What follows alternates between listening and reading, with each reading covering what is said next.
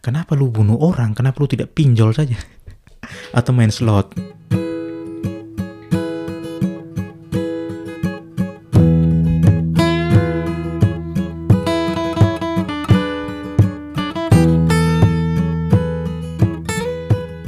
Basudara, woi. Jumpa lagi di ATP Podcast di edisi kesekian ya. Nampaknya angka itu penting ya, Saudara. Meskipun uh, menurut Bapak Podcast Indonesia uh, Adriano Colby bahwa ya konsistensi itu kalah dengan pemodal besar.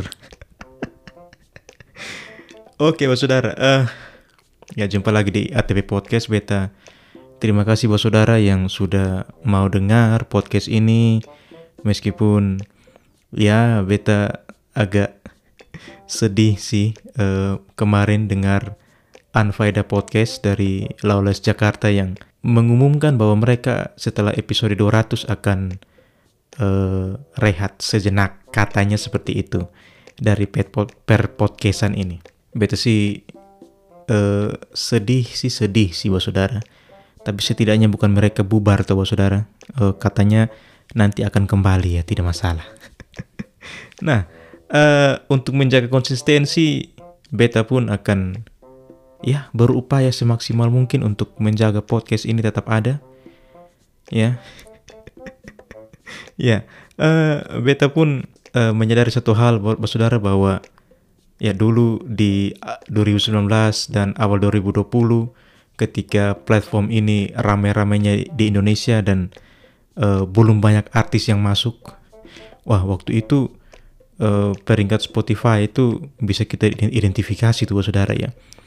Podcast podcast-podcast yang orang yang mungkin kita tidak tahu siapa. Tapi ketika platform ini semakin besar di Indonesia dan banyak artis yang masuk, ya kemudian ya kita yang podcaster indie ini ya tergerus dengan sendirinya.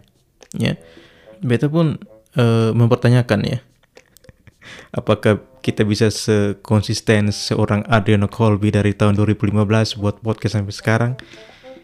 Iya, mungkin lu perlu alasan yang sangat kuat untuk lu tetap membuat sesuatu yang konsisten, saudara.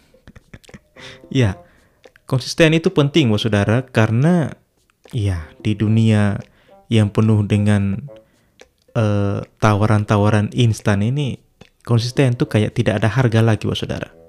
Ya, banyak hal yang kemudian kehilangan harganya, Bapak Saudara.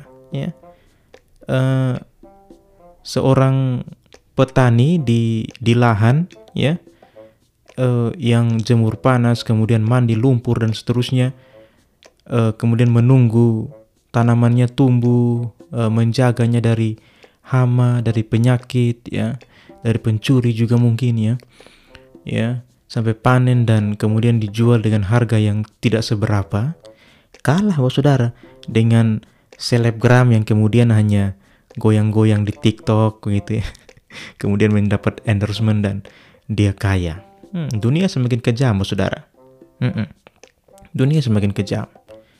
Itu sebuah apa ya sebuah perbandingan yang kita mau bilang tidak benar pun benar. Ya gitu saudara. Uh, dunia semakin kejam. Dan bukan kami dunia kejam saudara.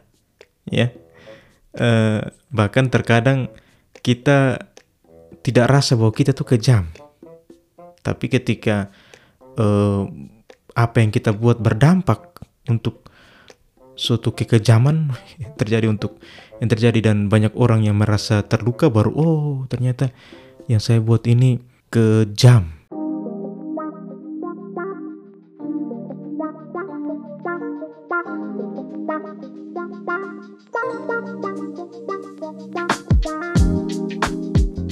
Ya, ini ini lagi ini lagi lagi lagi rame dibahas sebuah film ya namanya Oppenheimer, boy.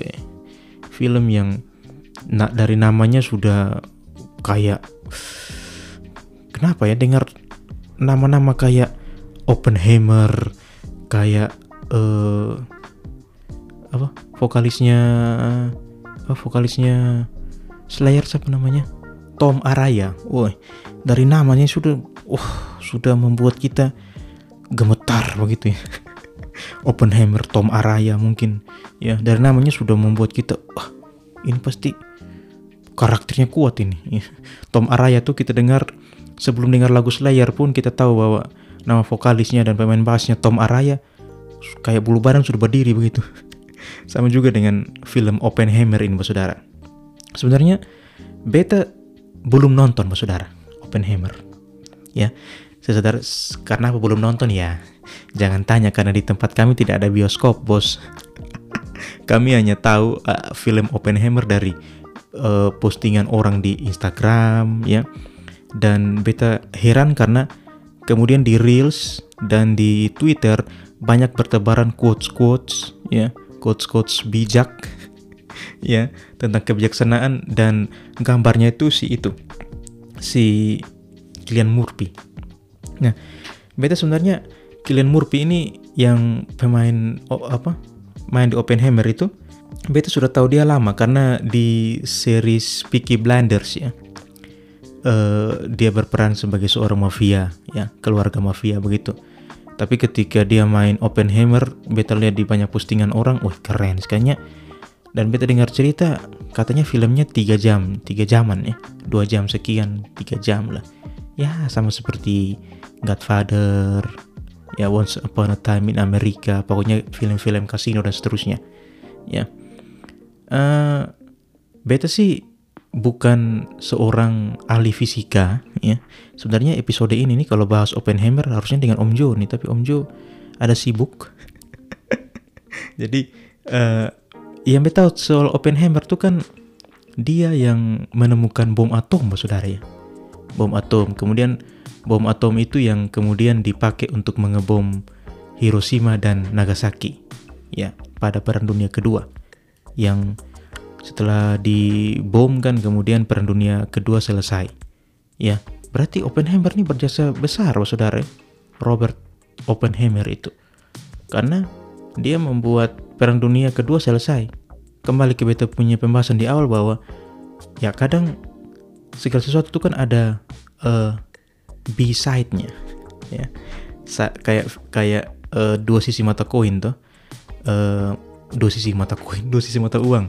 Ada uh, dua sisinya, ada baik, ada buruknya. Dan oke, okay, uh, eh, Oppenheimer uh, meng mengakhiri Perang Dunia Kedua tapi setelah itu kan kemudian orang kenal dengan istilah ini perang dingin. Perang musim dingin bukan perang adu-adu uh, kekuatan militer dan salah satu nilai tawarnya adalah bom atom itu, saudara. Ya. Yeah lu kalau fans Linkin Park lu tahu ada album Linkin Park tahun 2010 tidak salah judulnya itu A Thousand Sun ya covernya warna putih uh, terus ada kayak siluet-siluet hitam gitu. Ya siluet warna hitam. Semua siluet warna hitam. Pokoknya ada album Linkin Park judulnya A Thousand Sun tahun 2000 sekitar 2010 album itu banyak menceritakan soal uh, apa kayak temanya sangat apokalips tuh kan temanya sangat apokalips dan di lagu ke berapa tuh beta? Hmm, lupa tapi ada uh, rekaman suara si Oppenheimer yang diputar. Beta sebenarnya tidak tahu itu suaranya Oppenheimer. Beta pikir beta pikir kayak permainan DJ biasa dari Mr. Han begitu. Efek-efek suara tapi ternyata waktu itu waktu dengan Lai Lai dan beta ini fans Linkin Park Lai bilang itu uh, wawancaranya si Oppenheimer yang dia bilang now I become dead ya itu. Nah si Oppenheimer sadar bahwa oke okay, meskipun dia pintar pimpin man uh, project Manhattan itu temukan bom atom mengakhiri perang ke dunia kedua tapi setelah itu kan ya bom atom kemudian dipakai untuk menghancur uh, banyak untuk uh, menakut-nakuti negara lain kemudian dikembangkan untuk hal yang sebenarnya merusak ya. Apa sih yang yang kemudian bisa merusak secara massal? Beta pikir ya bom atom bisa nuklir dan ya jangan lupa covid senjata biologi mas saudara ya. Itu pun um, apa ya bisa membunuh ya bisa bisa dikatakan pemusnah massal juga itu ya. Eh, ya lu, lu lu tidak akan lupa lah ya. Podcast ini pun berdiri pada saat WFH work from home. Kenapa ada WFH karena ya 2020 2021 2022 COVID pandemi sebelum sekarang jadi endemi jadi tidak bisa dipungkiri bahwa teknologi terus berkembang tapi ada dampak positifnya, ada dampak negatifnya, ya. Um, tapi begini, mas saudara, nampaknya teknologi ini bukan bukan selamanya ber, ber, berdampak uh, negatif, saudara. Ada banyak teknologi yang kemudian membuat kita menjadi lebih mudah, ya. Uh, ya, beta akan uh, sebutkan contohnya apa ya? Ya, uh, ada teknologi namanya stem cell atau bisa dikatakan sebagai sel punca. Punca itu di dalam kalau di diterjemahkan dalam bahasa Indonesia sel punca. Itu kayak sel yang hidup kemudian diimplankan ke uh, apa? Bukan sel ancestornya, kemudian sel punca itu akan berkembang menyesuaikan diri dengan uh, hostnya yang baru. Ini penting ya, ini kemajuan yang luar biasa besar di dunia kesehatan, kedokteran begitu untuk mengobati orang-orang yang kemudian uh, sakit kayak kanker dan seterusnya ya. Sel punca, terapi sel punca itu sering beta lihat di uh, berbagai macam artikel begitu atau jurnal ya. Uh, sel punca. Teknologi-teknologi yang lain berpikir um, beta pikir kayak misalkan kayak kemarin si apa namanya Apple mengeluarkan apa namanya yang kayak kacamata tuh jadi ke ke depan kita tidak tidak lagi tidak lagi ini susah untuk bekerja tidak lagi harus menghadap laptop kemudian pakai mouse uh, keyboard segala macam pakai produk Apple itu yang harganya katanya mahal sekali itu. Ya uh, seperti itu. Ya uh, kenapa teknologi itu terus berkembang? Tapi seiring berkembangnya teknologi selalu ada dampak-dampak negatifnya ya.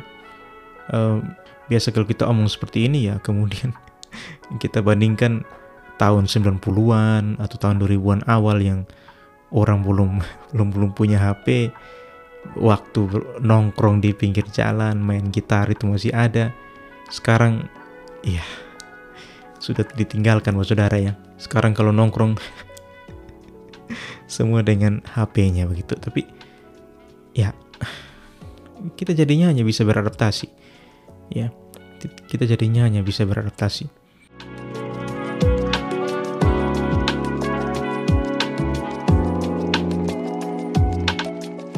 Tapi begini, Mas Saudara. Ada banyak ada beberapa teori konspirasi yang mengatakan bahwa sebenarnya ini apa teknologi yang sekarang sudah ditemukan itu sebenarnya dulunya sudah ada, hanya diulang-ulang saja. Apakah benar seperti itu? Ya, beta tidak tahu sih ya. Tapi kalau kami yang di di NTT ini ya atau di daerah yang katanya tertinggal 3T ya. Kami selalu dilabel dengan 3T ya. Uh, bukan tahu tempe dan telur ya. ya.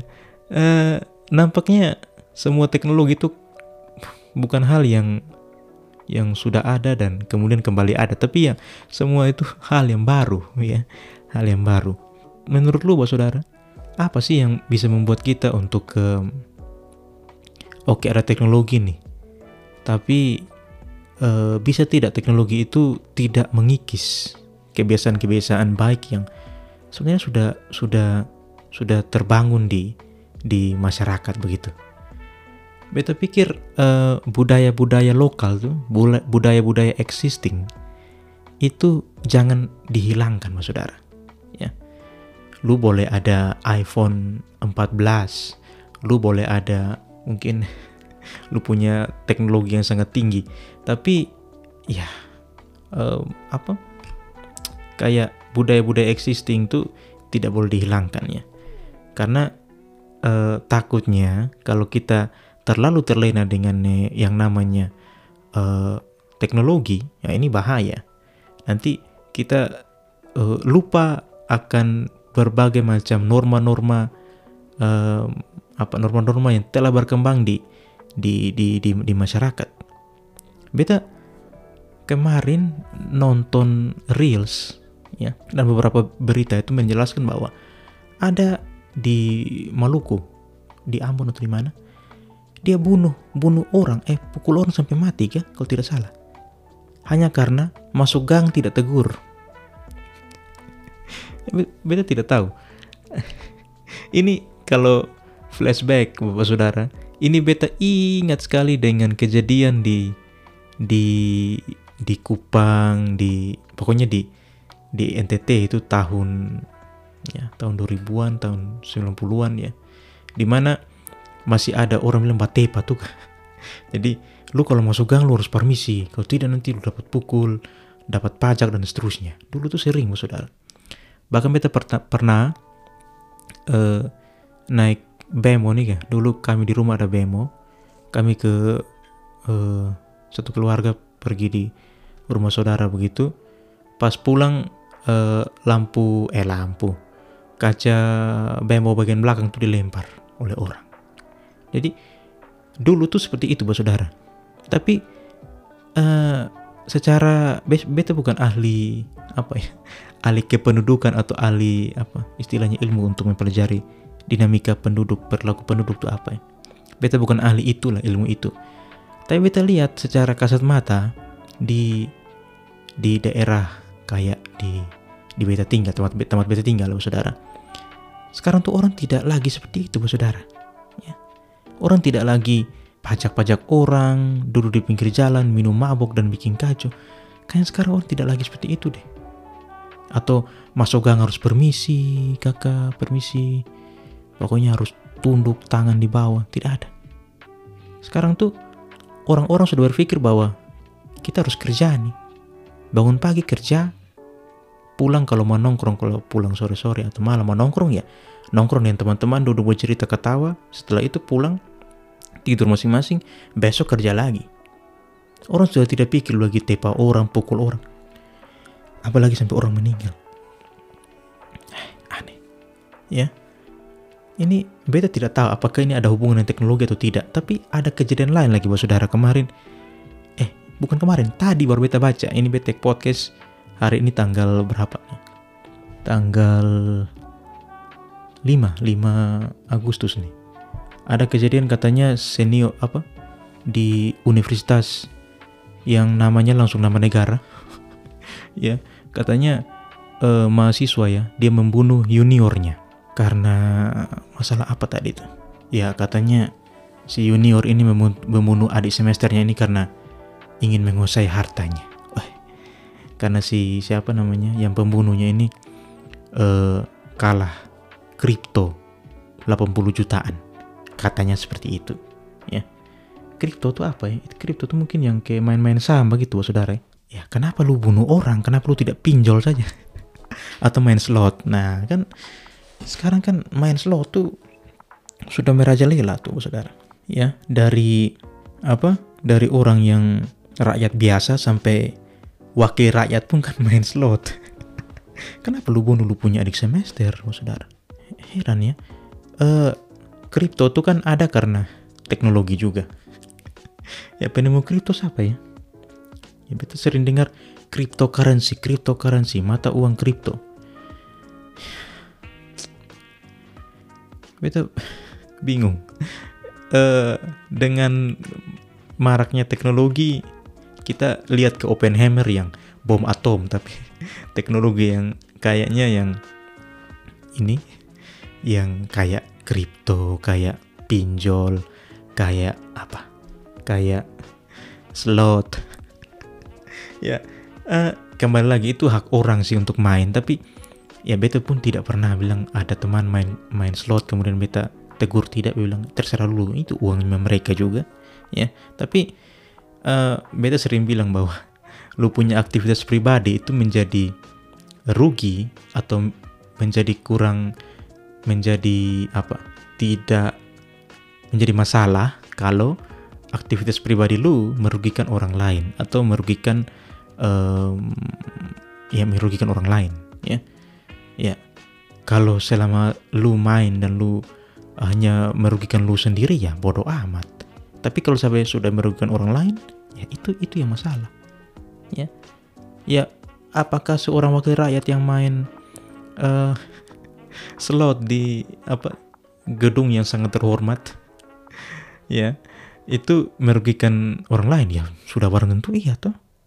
Apa? Dia merugikan bagaimana sampai dia merugikan orang lain ya dia merugikan orang yang pilih dia dulu. Ya karena dia duduk di di uh, situ karena dia mewakilkan rakyat. Ya. Ya mungkin rakyatnya susah di sawah susah di kebun susah di uh, mana-mana pilih dia tuh. Kenapa dia di situ tidak menyampaikan suara rakyat tapi main slot? Hmm. Ya. Uh, terus ini mengelak lagi oh itu ini Candy Crush. Oh Candy Crush kok ada sayap-sayapnya begitu? Ya um, apa faedahnya? Beta pikir kita sebagai individu tuh harus menyikapi berbagai macam teknologi saudara. Mungkin ada batasan-batasan yang lu, lu, lu buat lah untuk ke diri lu ya. Jangan sampai kebablasan ya. Mungkin itu saja untuk episode kali ini saudara. Kalau lu mau dukung ini podcast beta ini beta sudah apa buka donasi. Buka donasi di apa namanya di saweria.com ya lu kalau uh, tertarik lu silakan apa sih apa donasi di situ. Bos saudara terima kasih yang sudah dengar. Cheers